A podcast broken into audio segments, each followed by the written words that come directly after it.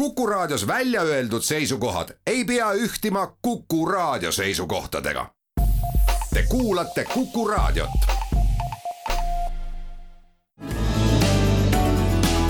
keskpäevatund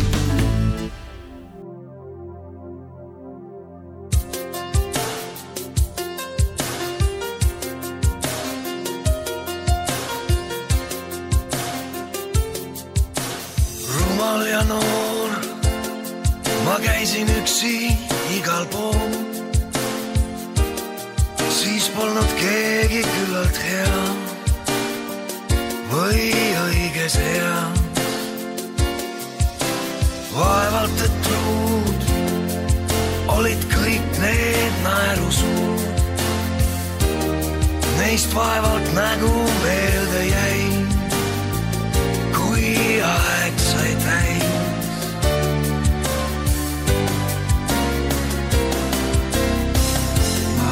Ma sind ei tea, ei tunne veel, kuid meeles pean, see päev on teel. ma sind ei tea, ei tunne veel, kuid meeles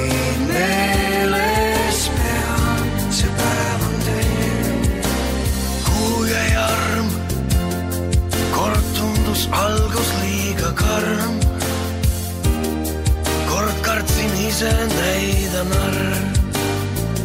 või olin arm.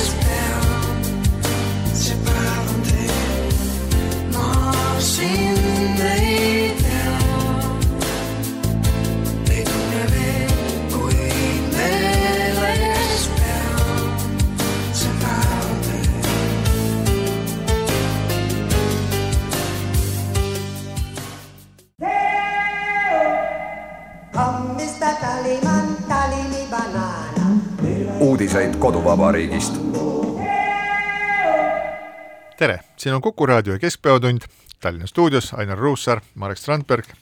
ja Priit Hõbemägi, laulsid Riho Sibul ja Ülle Värvimann, imeline laul, kurblik meloodia ja eriti need sõnad, ma sind ei tea, ei tunne veel, kuid meeles pean, see päev on ees. Ja seda tahaks öelda nendele kõigile uutele ministritele, kes on selles valitsuses, mille siis kolm erakonda on suure pusimisega ja pika läbirääkimisega lõpuks kokku saanud, seal on nimesid, kellest me tõepoolest ei tea suurt mitte midagi, siit-sealt oleme siiski kuulnud, aga millised nad on riigiametnikena, kõrgete riigiametnikena, kuidas hakkab välja nägema nende töö ja kuidas hakkavad välja nä- nägema nende töö tulemused, sest just nimelt sellepärast on nad sinna pandud, et nende töö annaks tulemusi ja aitaks meie riiki pidada ja oleks rahvale kasuks, mitte lihtsalt sellepärast, et mingisugust tooli soojana hoida ja sellest me peamiselt täna räägimegi. jah, ja väga palju aega ei ole ka antud, et kaheksa kuud ja mm, noh, selles mõttes ma tervitan kõiki uue valitsuse liikmeid, kes ütlesid, et nad ei nõuagi sadat päeva, sellepärast et kui anda praegu veel nii-öelda see mitte kunagi kehtinud sada päeva äh, kriitikavabat aega, siis äh, noh, ei ole sellel valitsusel mõtet, nii et jõudu tööle. kell kaks esmaspäeval kinnitab president valitsuse, kell kolm esmaspäeval annavad ministrid ametivande. kas me sellega lõpetame, et ütleme, et kõik... loodetavalt, jätkuvalt loodetavalt, sellepärast et kui noh, vahel on selline tunne, et et oleks noh, murraks ikkagi sisse mingitesse infosüsteemidesse ja näiteks arvutikaameratesse, mis vaatavad mingit sõnumit, mis tuleb ja ma arvan, et nende pikaks veninud nägude hulk möödunud neljapäeva õhtul, kui valitsuse peaminister saatis laiali uute ministrite nimed Reformierakonna selles nii-öelda sõnumite vaated, et, et need, need olid eranditult väga pikaks veninud näod. nii, keda see, kelle vastu see, kelle Vot- vastu protestid, kas just- on see Rosimannus, Reinsalu, Sikkut, on see Pevkur, on Lukas, on see Kruuse, Solman või Riisalu, et kes, kes, kelle nägu peaks nüüd siis pikaks venitama? mina tahtsin ka, Marek, küsida, et, et mis äh, unenägu sa nüüd siin esitasid ei, ma ei siis, et esita kas see on mingit unenägu. õudusunenägu Ei, või ma vaadake, ma pigem nagu lähtun sellest, et kui te vaatate peaministri, peaministri kehakeelt, mida on raske varjata, isegi kui sõnad on nii-öelda ümber kirjutatult üsna diplomaatilised, siis peaministri kehakeel, kui talt küsiti, et kuidas nende uute ministritega siis on, et see üllatus oli meeletu ja ma arvan, et see üllatus oli kogu sellel erakonnal hästi suur, mis puudutab öö, päris paljusid uusi ministreid, kes hüppasid välja nii-öelda ei tea kust mina kuulan seda, mida peaminister räägib, mina loen neid tekste, ei vaata tema büroost, aga üldiselt ma tema kehakeelt eriti vaat see on nagu halb, selles mõttes, et kehakeel on kõige reetvam ja see üllatusmoment oli reaalselt väga suur. ja isegi kui sa kuulad, siis sa saad aru, et teatav viivitus ja sõnade otsimine viitab selle peale, et äh, šokk oli üsna suur. Küsimus on ju milles? tegelikult ei ole ju küsimus äh, noh, ütleme, ma saan aru, et, et eks need uued ministrid selles valitsuses ole ju natukene niisugune sapööride moodi, et noh, et äh, mingeid poliitilisi miine nad seal peavad välja kaevama, noh kui õhku lendavad, küllap uued leitakse. aga vana raudvara ei saa, ega keegi ei saada ju kindralit miini välja mineer-, miinidest tühjaks tegema. ja selle tõttu ongi no näiteks Seeder istub ikka vaikselt oma, oma positsioonis ja ega keegi ei julge minema tege-, minna tegema riskantsetes kohtades otsuseid ja see on selle valitsuse nagu nähtav märk, mis sinna külge pandud on. nii, aga võib äkki sa, tegelikult ma saan aru, su kriitika on äh,, sul on selline point täitsa selles olemas, aga see on nagu hetkel nagu liiga üldine, et eks me kõik võiksime midagi pikalt rääkida siin. et see- see kehakeel oli selline ja siis ta võttis prillid eest ära ja hõõrus silmi. ei, ei, ta oli üllatunud, ta oli, ta vahend-, vahendas meile selget üllatust ja ma arvan, et see üllatus oli kõigile see väga selleks, suur. vaata ma räägin sulle sellise loo sellest ähm, endisest Briti peaministrist Boris Johnsonist, kes äh, tavalistel ärikogu, ärikoosolekutel oli normaalne inimene, lipp sees ja juuksed kammitud, aga siis, kui tal oli vaja rahvaga minna kohtuma, siis ta tõmbas lipsu kaelas, siis pani nööbid valesti kinni ja ajas, ajas äh, juuksed käega segamini, ütles, ma lähen rahvaga kohtuma, nii et ma arvan, et see on müüt, see on samasugune et, äh, müüt, nagu Johnson ise levitas kunagi müüti sellest, et Euroopa Liit tahab kehtestada mingi banaani pikkuse ja kõveruse asja. Johnsonil on lihtsalt Siin nagu ma- juuste ma mittekammitavus, pean see nüüd on nagu sind siin kurvastama, seda rääkis mulle üks inimene, kelle juttu ma usaldan ja kes ise Johnsoniga on kohtunud, aga läheme tagasi, aga- läheme, läheme tagasi selle juurde, et kehakeel kehakeeleks, aga aga räägi nüüd konkreetselt, et kellele sa siis mida ette heidad, et kes käivad miiniväljal ja ja kes siis äh, nagu visatakse õhku ja tükkideks rebitakse? tohib, Marek, ühe repliigi? jaa, palun, et enne, kui me valitsusega edasi läheme, nii, neljapäeval oli, ei, reedel jah, oli parlamendi istung, kus Kaja Kallas sai viiskümmend kaks poolthäält. neljandik Riigikogu liikmeid ei tulnud tööle. neljandik, neil on see vabadus, nad neil manifesteerivad. ei ole puhkust. ei, neil ei ole mitte puhkust või mitte puhkust, aga nad manifesteerivad. Ei, ma lihtsalt markeerin ära. Riigikogu liige on vaba tegema mida iganes, selles mõttes ka hääletama või mitte hääletama, teda ei ole võimalik nagu vastutusele võtta. üks asi on hääletamine, teine asi on mittehääletamine ja kolmas asi on vastuhääletamine, aga sa pead ennast registreerima kohalolijaks. neljandik ei olnud kohal. kus nad olid? valijaga kohtumas. aga okay. noh, ütleme niimoodi, et, et need nii-öelda uued põõsast tulnud on ju küllaltki selgelt teada. Need on nii äh, tervise- ja tööminister äh,, nii justiitsminister, kes ütleb, et äh, ei olegi vaja mingit erilist puutumist õigusalaga, võib-olla tõesti ei ole, ja ka ettevõtlusminister, kelle puhul jälle on puutumus ettevõtlusega väga tugev ja äh, kes meil veel oli siis ka Keskkonnaminister. Keskkonnaminister, täpselt. ja ega need on kõik väga olulised Kultuuriminister. ja kultuuriminister ehk nagu viis inimest. ja ega nendega, ma ei ütle, et hakkab nüüd saama mingit nalja, aga vaevalt, et äh, see valitsemine mingit nalja endast üldse sisaldab, aga probleeme tuleb väga palju, selles mõttes, et nagu me hakkame kuulma seda, kuidas üks või teine tõenäoliselt ütleb, kuidas tal on vaja aega, et äh, sisse elada sisseelamisaeg inimestel, kes ei ole varem olnud poliitilises protsessis hõivatud või on kohalikus poliitikas, nagu näiteks keskkonnaminister, et, et see sisseelamine, sisseelamisaega tegelikult ei ole. Kriis on väga suur ja selles mõttes nii-öelda selline erakondade, teiste erakondade poolt sellise nii-öelda valitsuse ja parlamendi kogemuseta inimeste nagu saatmine valitsusse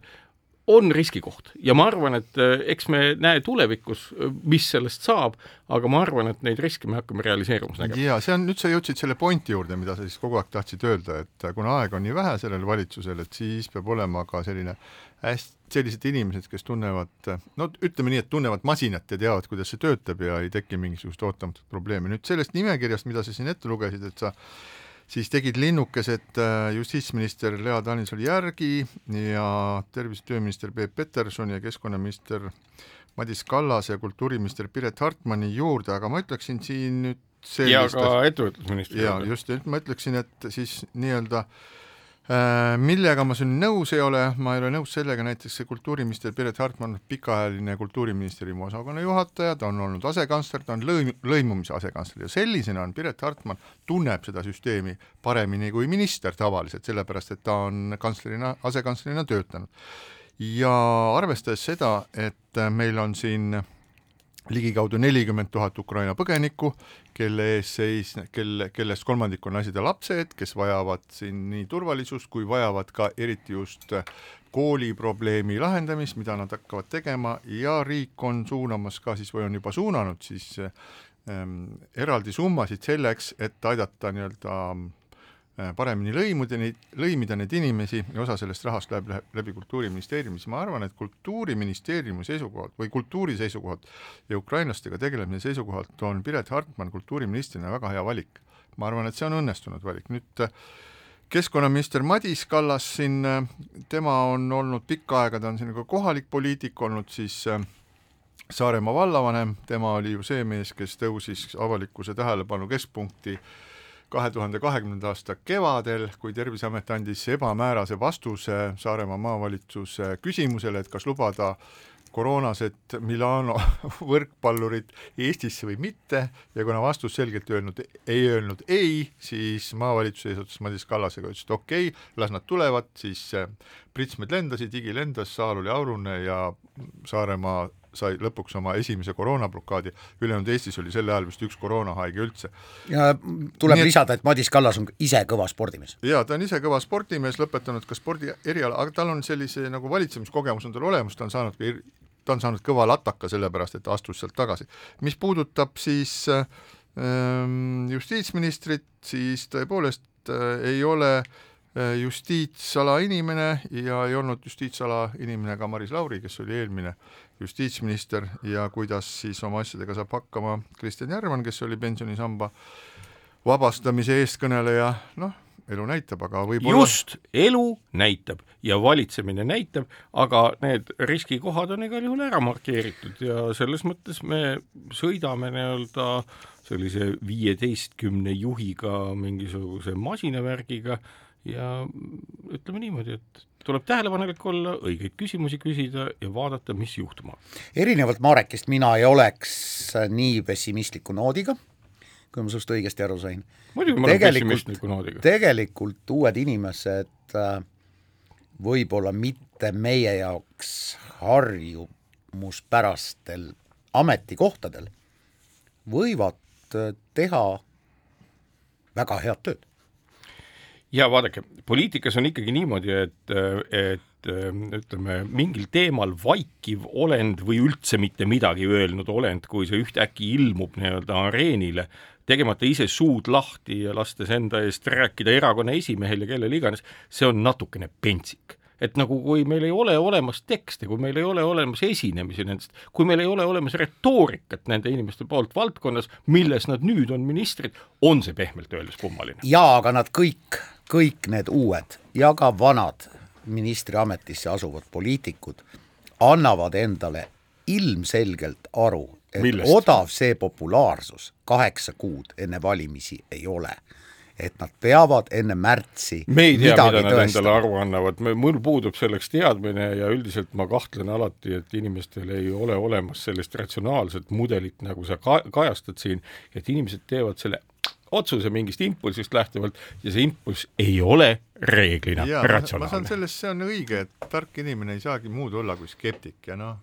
doktor Strandberg kahtlemata kuulub nii tarkade inimeste kui skeptikute hulka, aga sa oled ikka noh, nagu uskumatult pessimistlik, ma mõtlen, et sa nagu võtad endale hinnata inimeste üle, kelle kohta sa ütled, et sa ei ole lugenud nende tekste selles osas, mis nende valitsemisalas on ja see omavahel öeldes ei ole mitte mingisugune argument, ei ole jah lugenud, äkki sa ei ole neid üles leidnud, kui kaua, kui kaua sa oled neid otsinud, aga see on lihtsalt no minu üldistus on see, sa langetad äh, inimeste üle väga selliseid põhjalikke otsuseid ilma ma mingisuguste argumentideta. Priit, mul üldjuhul on meeles, mida üks või teine inimene maailma asjade kohta kirjutab. Ja see, et on olemas nii-öelda kusagilt äh,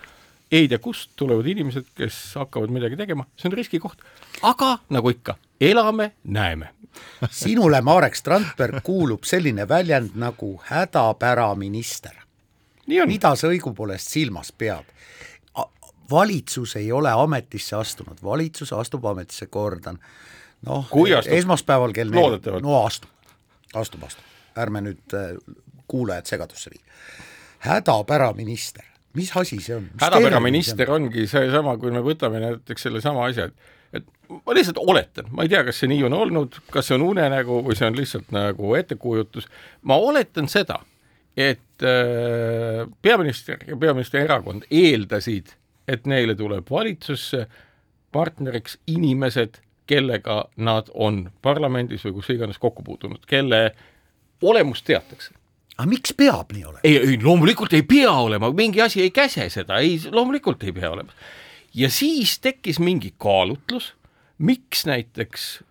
erakonna esimees, Isamaa esimees ei lähe valitsusse ja leiab kellegi teise sinna. see on, see on, ma ei ütle, et see on nagu mingisugune, see on, see on ninanips ja siis leitaksegi nii-öelda hädapära inimesed. kui inimene ütleb, aga mulle mõni päev tagasi helistas erakonna esimees ja küsis, kas ma tahaksin ministriks saada, ma mõtlesin ja ütlesin, et ma tahan no kuulge inimesed, meil on kriis ja, ja sama, samasugune asi ja ütleb peaminister täpselt samamoodi. ma soovin nende, mida ta teatas ühes intervjuus, ma soovin nende inimestega isiklikult kohtuda. ühesõnaga, see on nagu äkiliselt tehtud, öeldakse, see on nagu niisugune, niisugune, niisugune sundabielu, mis oli nagu öeldi, et no me siin vanematega leppisime kokku, et nüüd sa võtad meheks või naiseks endale, vot me oleme nüüd täitsa kinni jooksnud selle Ei ole kinni jooksnud. no see on niisugune lõputu tiraad selle peale, et, et eh, mingisugused inimesed ei kõlba midagi ei tegema., mitte ei kõlba, nüüd jälle, ära pane mulle sõnu suhu, mitte ei kõlba, vaid kujutavad riski. see ei tähenda, et nad ei kõlba, see ei tähenda, et neil ei või midagi välja tulla, võib-olla tuleb välja, see on väga hea, aga kaheksa kuud kriis, sõda Venemaaga, sada miljooni asja veel, mida on vaja lahendada ja siis tehakse niisugune katse, et äkki lahendavad need ära. see on, ütleme, ettevaatlikuks tegema, aga rohkem ma, ma, ma Läheme- rohkem ei läheme- ütle seda sõna, et elame-näeme jaa, läheme nüüd mingi Lähme mingi muu teema Lähme, läheme koalitsioonilepingu juurde. no lähme, läheme, see on huvitav et see on dokument. olemas, see on äh, Postimehe veebis avaldatud valitsusliidu alused Eesti Reformierakonna, Isamaa Erakonna ja Sotsiaaldemokraatliku Erakonna koostööleping aastateks kaks tuhat kakskümmend kaks, kaks tuhat kakskümmend kolm, et lühikene periood, eks ole, ei ole tegelikult kahtteist kuudki, kestab nüüdsest ja siis kuni kuni mitte aegade lõpuni, vaid kuni valimiste no valimiste alguseni võiks öelda, millal iganes need seal võivad alata, kuskil seal võib-olla oktoobris, siis kui erinevatel erakondadel, ka nendel, mis on valitsusliidus, on vaja hakata näitama oma nägu, et saada siis rohkem pildile. mul on olemas ka üks teine võimalus, on ja see võimalus on see, et selles koalitsioonilepingus on tegelikult äh, kirja pandud ülejärgmise valitsuse siis äh, äh, koalitsioonileping seda Ehk ka et- üks lapsesuu muideks välja ütles, ma ei mäleta, mis ministritest, kes ütles, et tegelikult see on juba järgmise koalitsiooni küsimus. sest et äh, jaa, aga järgmine koalitsioon ongi seesama koalitsioon, ma pakun näiteks välja, sellepärast et ikka need ähm, poliitikud võivad küll olla huvitavad aeg-ajalt, aga kindlasti ei ole nad purulollakad. ja selles mõttes nad mõtlevad kindlasti kaugemale no kui siis järgmine selle eest, kui kui järg- inimesed oleksid kui- purulollakad valitsuses. kui järgmist, no vahepeal sinu jutust jäi juba selline mulje. väga ekslik mulje. jaa, aga nii et ähm, üks võimalus on ka see, et kui me vaatame seda koalitsioonilepingut, siis me näeme midagi, mis hakkab kestma näiteks järgmised neli aastat. Ja selle eesmärk on see, võimalikult lahjendada ära need ähm, teemad või mitte lahjendada ära, vaid tõsta juba praegu esile need teemad, mis üldse on võimalikult suured teemad sügistel valimistel ja öelda Kevadistel. kevadistel jah, et me nende asjadega juba praegu tegeleme, me oleme teinud nendega teatud edusamme ja jõuame nendega veel kaugemale, seda rongi ei maksaks nüüd rööbastelt maha lüüa ja kui kõik läheb kenasti, et siis jõuame nelja aasta pärast küll äh, eestikeelse koolini, küll ma ei tea milleni, kõikide nende imedeni, mida meile siin on lubatud. aga varakevadel me näeme muidugi, ma ennustan, me näeme muidugi päris äh, huvitavat asja ja me saame sellest ilmselt siin raadios ka rääkida, et kui nüüd peaks tulema kogu see must värv, mida ennustatakse sügisel ja talvel meie tuppa ja meie ühiskond ja meie ümber ja meie Euroopasse, siis on ikkagi väga-väga keeruline ennustada, milliste lubadustega parteid äh, saavad märtsivalimistel edu. Ilmselt saavad kõik mingisuguse edu, võib-olla Eesti kakssada tuleb juurde ja parlamendis on mõnel erakonnal vähem kohti ja mõni erakond saab parlamenti, aga need tegevused või lubadused, ehk kui Priit ütles, et jah, valimiskampaania algab seal septembri-oktoobris, vastab tõele, aga valimised on märtsi esimestel päevadel. Ja noh, mina küll ei julge öelda, kes pärast seda kaheksa kuud kestva valitsuse, valitsusele hinnangut andes oskab öö, öelda, kelle poolt ta valib. No ma sain ikkagi Priidu jutust aru, kui ma nüüd äh, õigesti kuulsin, küsin üle, et äh, kas sa julged väita, et seesama nii-öelda äh, koalitsioonileping, mida me lugeda saame, ongi põhimõtteliselt püüd defineerida siis ka valimiste teemasid või? ma arvan küll, ma arvan, et selle üks, mitte ainult defineerida valimisi teemasid, vaid näpsata ära need valimised teevad nende eest, kes võiksid äh, sellele koalitsioonile ohtlikuks osutuda mingisuguste teemade ülestõstmisega enne äh, enne valimisi, näiteks Keskerakond ja EKRE praegust noh, tõenäoliselt nad mõtlevad, istuvad ja mõtlevad, nagu sotsiaalmeedias oli näha, siis äh, käis ka Martin Helme, käis juba külas äh, külas eh, Edgar Savisaarel ja no väga huvitav, rääkisid siis eh, ülejärgmisest, nii nagu Edgar Savisaar oma, oma postituses siis teatas, et rääkisid siis nii-öelda ülejärgmise valitsuse koosseisust ja ja plaanidest, aga mulle küll tundub, et ei Edgar Savisaarel ega ka EKRE-l ei ole ülejärgmise valitsuse koosseisuga väga suurt pistmist, ma usun seda, et on Edgar Savisaar? Jah. Huh.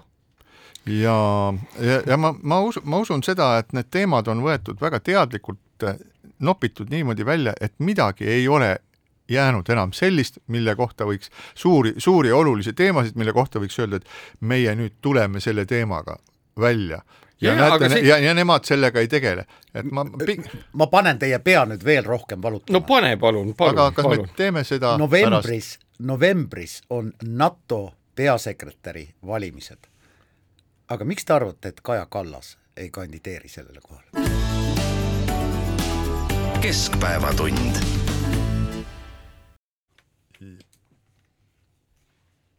ja Keskpäevatund jätkab, Ainar Ruussaar, Marek Strandberg ja Priit Hõbemägi ja tõepoolest siin äh, äsja siis äh, Ainar Ruussaar tõi lagedale pommuudise, et ei, ei ole uudis. ma viskasin välja hüpoteesi. okei okay,, palun väga, äsja siin äh, Pommhüpoteesi. uudistetoimetaja jumala pärast, ärge tehke, keegi ajakirjanikud, ärge tehke sellest uudist. Hilja. pommhüpotees, hilja juba, pommhüpotees tulnud ja tegi lõhkenud. pommhüpoteesi, ütles, et aga mikspärast ei võiks siis Kaja Kallasest saada uus äh, NATO peasekretär. Jens Stoltenberg teatavasti sai ühe aasta siis pikendust, sellepärast et väga keerulistel aegadel ei oleks olnud just väga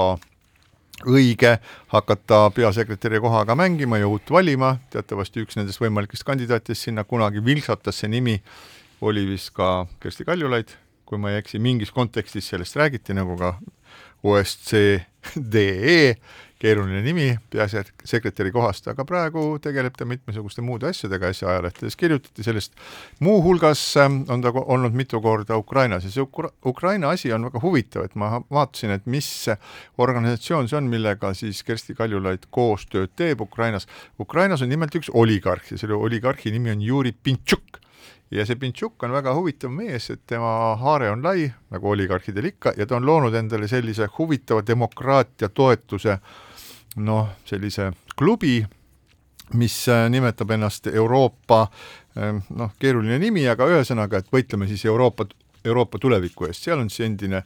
Poola äh, president või peaminister Kwasniewski, mis iganes ta oli, Kaja Kallas, siis on seal veel Skandinaaviast mõni väga tuntud poliitik ja siis see Pintšuk. Pintšuk oli siis muuhulgas ka seesama mees, kes ähm, selle tänavusel Davose Äh, majandusfoorumil, kus tavaliselt on olnud siis tähelepanu keskpunktis Russia House ehk Vene maja, kus on imeliselt pikkade jalgadega kaunitarid, voolab äh, külm viin ja süüakse mm, supilusikatega,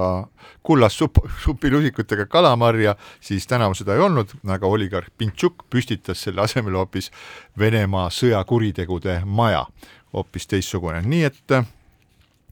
jõudes tagasi Kaja Kallase juurde, võiks siis öelda, et tõepoolest Kaja Kallas on teinud väga head tööd NATO eh,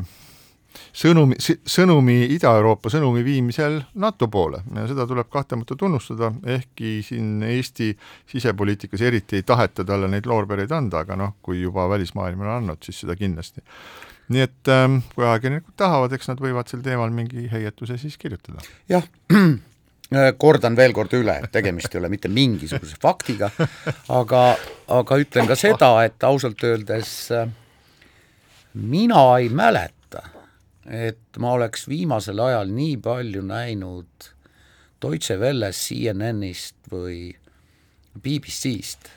äh, mõnda Eesti peaministrit nagu viimase kuu aja jooksul.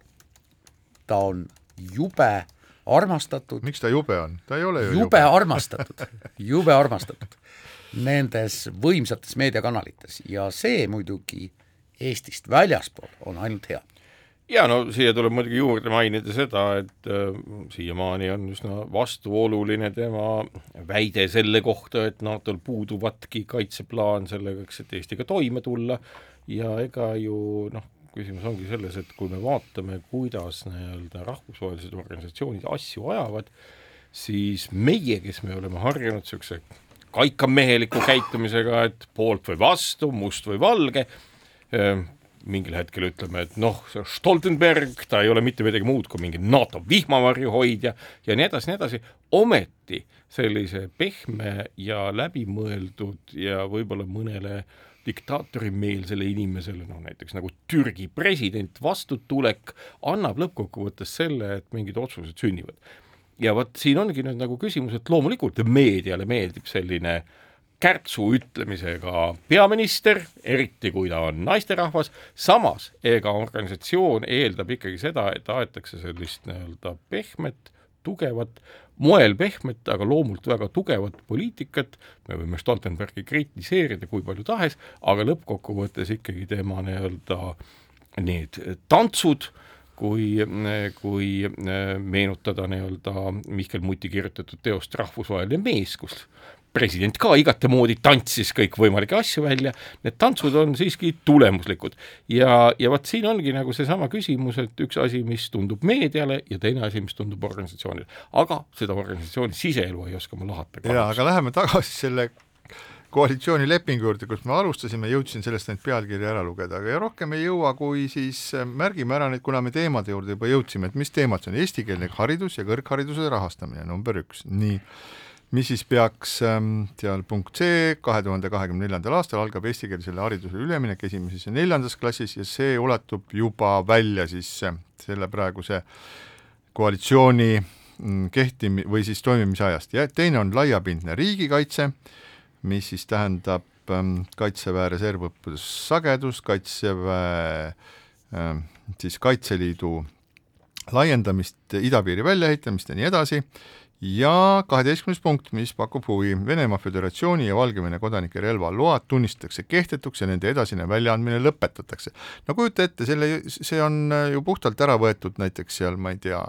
noh, Keskerakond ei hakka sellise teemaga minema, aga see on see, see väga hea pall, mis võiks istuda EKRE jalale, öelda aga võtame neilt relvad ära, aga ei saa enam sellega vehkida, sellepärast et see on juba koalitsiooni siin on muidugi üks asi veel, millega vehkida saab, selles mõttes, et nagu neid relvaomanikest Vene kodanikke oli mingi mingisugune kuussada, aga tegelikult meil on ju kodakondsuseta inimesi väga palju, kelle venemeelsus on palju suurem ja nüüd ongi küsimus, et kust see risk tuleb, kas tõesti see kuussada inimest, kes või pluss inimest, kellel täna Vene kodanike või Valgevene kodanikena relvaload on, või see oht on hoopis mujal. nii et aga nagu arutelu kohta on kindlasti kuskilt veel. peab alustama. punkt kolm, Ukraina toetamine ta,, ta-ta-ta-ta-ta, toetame Venemaa Föderatsiooni majanduslikku isoleerimist, rahvusvahelise tribunali loomist, siis põnev punkt oota, Ukraina juures tuleb nüüd lisada, et tegelikult seal on üks lause, Ukraina sõjapõgenike koju tagasipöördumise programm.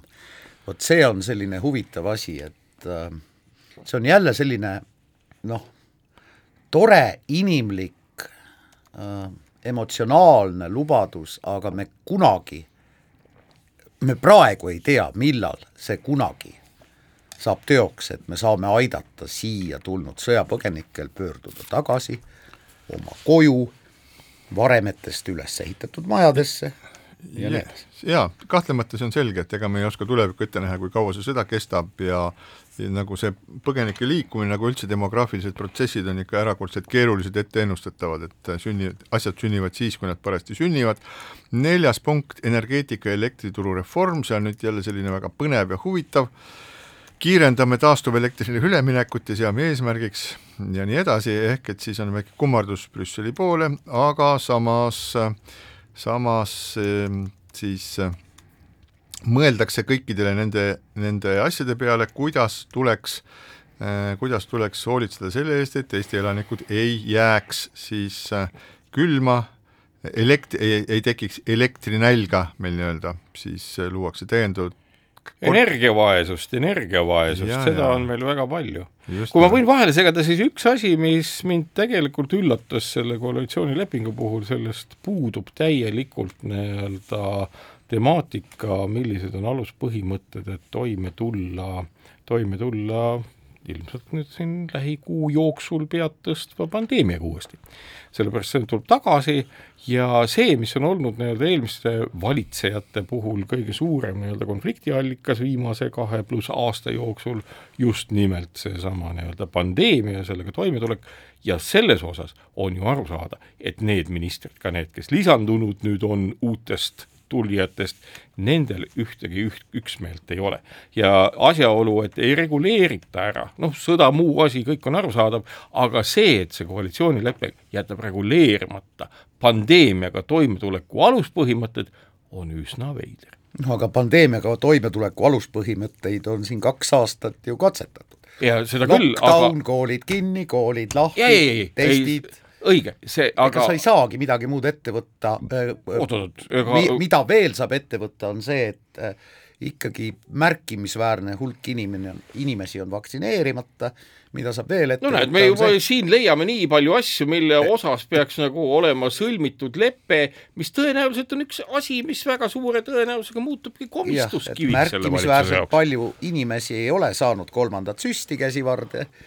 täna on Või... vaja juba neljandat. jah ja võib-olla on varsti vaja ka viiendat. nii kahjuks on. elanike hõlmatus esimese doosiga kuuskümmend neli koma üheksa.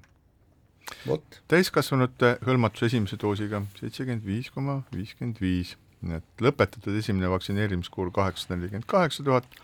vähemalt üks kord vaktsineeritud kaheksasada kuuskümmend kolm tuhat. ja katvus, vaktsineerimise katvus ühiskonnas on siis kuuskümmend neli koma üheksakümmend kaks ja ja kui vaadata maakonniti, siis seda protsentuaalset katvust, siis ähm, tõepoolest suur osa Eestist on korralikult seitsmekümne protsendiga kaetud, aga siin Ida-Virumaal, Kagu-Eestis ja, ja Edelas on siiski neid kohti, kus on millegipärast vähem, aga no jaa, sellised, sellised teemad edenevad ühiskonnas siis, kui neil on eestkõnelejad. aga nii, nagu mina olen aru saanud, siis probleemi lahjenemisega on ka eestkõnelejad ühiskonnas ära kadunud ja ei ole kedagi, kes pidevalt iga päev räägiks nendel teemadel ja kui sellist inimest ei ole, siis ka ajakirjanikud ei, ei lähe küsima siis nii-öelda meediasõbraliku inimese käest, et kuidas meil selle vaktsineerimisega nüüd on jaa, aga ega see ei tähenda seda, et äh, probleem ära kaoks ja küsimus ongi selles, et kui noh, meile ju siin arusaadavalt oluline küsimus selles mõttes, et kui selles osas ei ole kokku lepitud, siis kokkulepete puudumine ja asjaolu, et igaüks omas mingit eraldi ettekujutust ühes või teises ministeeriumiski möödunud valitsuste puhul, ehk et oluline asi kokkulepe selles osas, kuidas nii-öelda keerulistes oludes toime tulla, poliitiline kokkulepe äh,, annaks meile selle, et äh, majandus ei kannataks ja ühiskond ei kannataks uuesti selle pandeemia puhul, aga seda ei vaevutud läbi rääkima, loomulikult see on keeruline teema ja seda ei taheta puudutada. ja ainult, et Marek, mitte ükski Euroopa riik ei ole selle pandeemiaga noh, hakkama saanud hindele neli on katsetatud, mõned on karmimad olnud, mõned on vähem karmimad olnud, äh, aga ei ole ju, ei ole ju lahendust. noh, ma ei hakka rääkima, lahendused on loomulikult olemas, aga see, et nende lahenduste juurde ei pöörduta ei, ei Eestis ega paljudes teistes riikides, on iseküsimus, see lahendus on üsna fundamentaalne, me oleme seda siin saates ju isegi korduvalt rääkinud, see on see, kuulge, et kui, kui kui, kui jätkuvalt, me räägime seda juba kolmandat aastat, ventilatsioonid tuleb korda teha ja nende tegemata jätmine on see, mille otsa komistatakse. keskpäevatund. ja Keskpäevatund jätkab Tallinna stuudios Ainar Ruussaar, Marek Strandberg ja Priit Hõbemägi, aga läheme siis selle pikale veninud arutlusega koalitsioonilepingu üle järgi ja me oleme jõudnud sellise punktini, mille nimi on elektrituru reform, mis on siis energeetika ja elektrituru reformi üks alapunktidest, mis siis ähm, ütleb meile nii, seame eesmärgiks võtta vastu elektrituruseaduse muudatused, millega loome kodutarbijatele võimaluse osta alates esimesest oktoobrist elektrienergiat universaalteenusena selleks kohustame Nord Pooli Eesti piirkonnas turgu valitsevat seisundit omavad elektritootjad müüma toodetud elektrit Eesti kodu- ja väiketarbijatele ning kõigile elektri edasimüüjatele hinnaga, mille on kooskõlastanud Konkurentsiamet ning mis arvestab süsinikuheitme ja teiste tootmiskulude äh, kulude ja mõistliku kasumiga, no et kui asjad ei oleks nagu hapud tõepoolest energeetikas, siis ma ütleks, et ähm, tagasi minevikku, et selline riigikapitalismi ja riigiettevõtluse äh, tagasitulek selles mõttes, et ehm, võtame oma tõsi, et kui valitsus võtab oma tõsise kontrolli alla, võtab eh, elektrituru, energeetika ja kõik hinnad ja kohustab siis ehm, konkurentsiametit kooskõlastama siis neid hindu ja arvata võib, et Konkurentsiamet siis kooskõlastab neid hindu selliste mudelite põhjal, mis on saadud valitsuselt. me oleme tagasi jõudmas sotsiaalsesse turumajandusse sotsiaalseks elektriks seda ju kõigepealt hakatigi nimetama, aga see oli üks ebaõnnestunud nimetus ja õnneks kadus kiiresti. meil on, meil on kogu selle energia tootmisega, me oleme jõudnud nagu üsna, üsna äkilisel moel täiesti kummalisse seisu noh, kui kaks või ütleme kolm aastat tagasi keegi oleks kõnelenud, et Eestis on probleem seotud energiavaesusega, ehk et inimestel ei jätku raha, et äh, maksta soojuse või elektri eest või kütuste eest, no siis see ei olnud nii äh, üsna loogiline turukäitumine oli toona veel hea, kuigi see turumehhanism tundub jabur siiamaani. Nüüd oleme kätte jõudnud, oleme jõudnud ajastusse, kus meil on olemas energiavaesus noh, tõepoolest energiavaesus, et ka kõige rikkamad inimesed ei, või rikkad inimesed ei saa endale ka enam piiramatult energia kasutamist lubada. aga selle kõige kä-, käigus me oleme sellest energiavaesusest veel üle läinud ja jõudnud, jõudnud energia absurdi ja see energia absurd seisneb näiteks selles, et kui me vaatame täna, kuidas noh, piltlikult öeldes Eestis müüakse luksushalge noh, nii-öelda, et äh, kui palju maksab ruumimeeter, mis on hästi segane ühik, ruumimeeter halgu, metsakuiva halgu, mis on umbes nelikümmend viis protsenti niiskust seal sees, siis ja arvutame, arvutame, et, et mis on selle, mis on selle haluga põletatud soojuse hinnaks, kui see kiirgub nii-öelda kehva pool keskmisest niisugusest ahjust nagu tuppa siis see on kakssada viiskümmend või kakssada kuuskümmend eurot megavatt-tunni eest, mis ületab juba elektri hinda ja kui me vaatame veel seda, et kui palju siis maksab tänases maailmas ütleme niisugune vesinik, noh et ka isegi taastuvallikatest toodetud, elektrolüüsitud, siis selle vesiniku megavatt-tunni hind on oluliselt odavam kui puuhalgudest saadav. ehk et me oleme ja veel odavam on tuumajaam. ei no kus see tuumajaam, ütleme tuumajaamaga sa, tuumajaamaga sa autot liikuma ei pane. Tuumajaam sul on on tuumajaam, see on lihtsalt energia, elektriallikas. Ja me ei tea, kui kallis see on, sellepärast et seda meil täna ei ole aga vesinikust on räägitud Eestis üle kümne aasta ja kogu aeg on mingisugused nii-öelda sellised vanakooli energeetikud ja energiapoliitikud öelnud, oi, see on kallis, see on väga kallis, seda ei tasu teha. ja nüüd ongi käes, kuna seda ei ole tehtud, siis tegelikult me oleme nagu puuhalgudega ületanud sellesama nii-öelda vesiniku megavatt-tunni hinna juba ammu ja oleme jõudnud energia absurdi. kuidas seda olukorda lahendada, minul puudub selge vastus, see on jälle pöördumine minevikku, oleks tulnud õigel ajal, seda ei ole tehtud, aga ega praegu on ka õige aeg. praegu tuleks energiainnovatsiooniga alustada, möönda, et jah, ajutiselt me peame inimesed nagu ära kütma ja elektriga varustama ja soojaga varustama, aga ei tohi kõrvale jätta seda tõelist muutust, mida energeetika vajab. jaa, aga kas me ei ole mitte, mitte meie siin stuudios, aga kas mitte meie valitsejad ei ole seadnud eesmärgiks, et äh, mõne kolme-nelja aasta pärast peaks Eesti jõudma olukorda, kus taastuvenergia tagab kogu aastase energiavarustuse. ja see on õige eesmärk. Ja seda, seda tulebki, seda, aga täna pange tähele, täna pange tähele, ütlevad vanakooli energiakollid, et oh, huh, õnneks see rohepööre läks sedapuhku mööda, paneme oma põlevkivivärki edasi, taastame kõik asjad, ehk et tegelikkuses me peame hoolikalt jälgima, et see uus valitsuskoalitsioon ei asu mitte ütlema, et no näete, me ju, me ju ammu ütlesime, et sellest rohepöördest ei tule midagi, see kõik on jama, me peame tegelikult rööviti jooksma kaht teed, see teeb selle veel eriti kulukaks, sellepärast et selle kahe tee jooksmine on möödapääsmatu, kuna vastupidisel juhul oleme me jätkuvalt sõltuvad fossiilsetest allikatest ja me teame, mikuste jamadeni, sõjani kuule, okei okay., aga alati, kui me sinuga siin energeetika teemadel vaidleme, ma pärast seda, pärast seda mõtlen, et, et noh, sa oled ju suures osas, sa oled nagu, sa oled ajakirjanik, aga sa oled ka teadlane, eks ole, sa oled nii ajakirjanik kui teadlane, ja, ja mulle tundub, et sa kuidagi täiesti välistad seda, et äh, meie Eesti energeetilisest sellisest äh, põle-, energeetilistest julgeolekuvarudest, nagu siis põlevkivist, oleks mingisugusel ajal ähm, teadus jõuaks nii kaugele, et ta suudaks kasutada energ-, energia tootmiseks põlevkivi nii, et äh, selle siis CO2 heitmed on võimalikult väiksed või et selle CO2 sidumine on võimalik efektiivne ja me sellest seotud, ma ei tea, CO2-st saame teha teede aluseid või ehitada mingisuguseid plokke, ehitusblokke või midagi see on müüt, see on ettekujutus, et seda kuule, saab teha. see, see, see, see, see, see tänase päeva seisu, kuule, aga vaata võib-olla vaata võib-olla paar aastat tulevikku, sa nüüd nagu võib-olla tõepoolest kunagi arvad, et mis mõttes, et vesi, et me seda joome, aga et veest võiks teha äh, vee, et äh, vee, veest võiks nagu toota vesinikku ja seda kasutada kütuseks, et selle peale ütled, mida,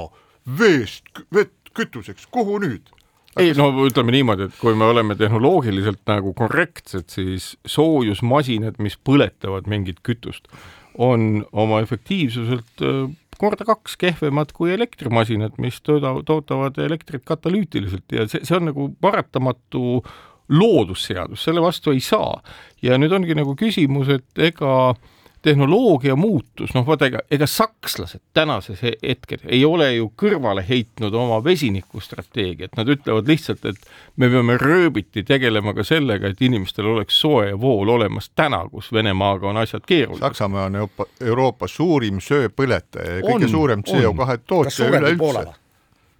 no mulle mulle tundub küll, et no need on no. kaks esi, esiriiki. just, aga nad ei ole öelnud, et unustage ära, nad rühivad, nii nagu kõik riigid, jätkuvalt edasi sellel samal nii-öelda puhta energeetika suunal, mööndes, et see, mis juurde tuleb, millega On-, millega sa seda argument, mil-, mis on sinu argument, mis ütleb, et põlevkivist ei saa tänapäeva maailmale vastu võt-, vastuvõetavatel tingimustel toota energiat? Ei no ikka saab, põlevkivist tänase päeva seda ma räägingi kogu aeg. vastuvõetavatel tingimustel ehk süsihappegaasi mitte emiteerides, no põhimõtteliselt võimatu. vaata, kas sa nüüd, põhimõtteliselt võimatu, sellepärast et ega noh, see on põlevkivi, see on maa sees, see on päikeseenergia, mis on meil maa sees. just nimelt, seda tulebki põletada juba maa sees, sealt välja tuua soojus ja CO2 siduda juba ka maa sees ja sellised tehnoloogiad on olemas, aga me ei jõua seda arendada enne, kui Strandberg ütleb, et see kõik on võimatu. aga täname teid kuulamast, oli huvitav saade, läbisime koalitsioonilepingu peaaegu lõpuni, metsandus jäi veel käsitlemata, aga midagi tuleb jätta ka järgmiseks korraks. suur tänu kuulamast ja kõike head! keskpäevatund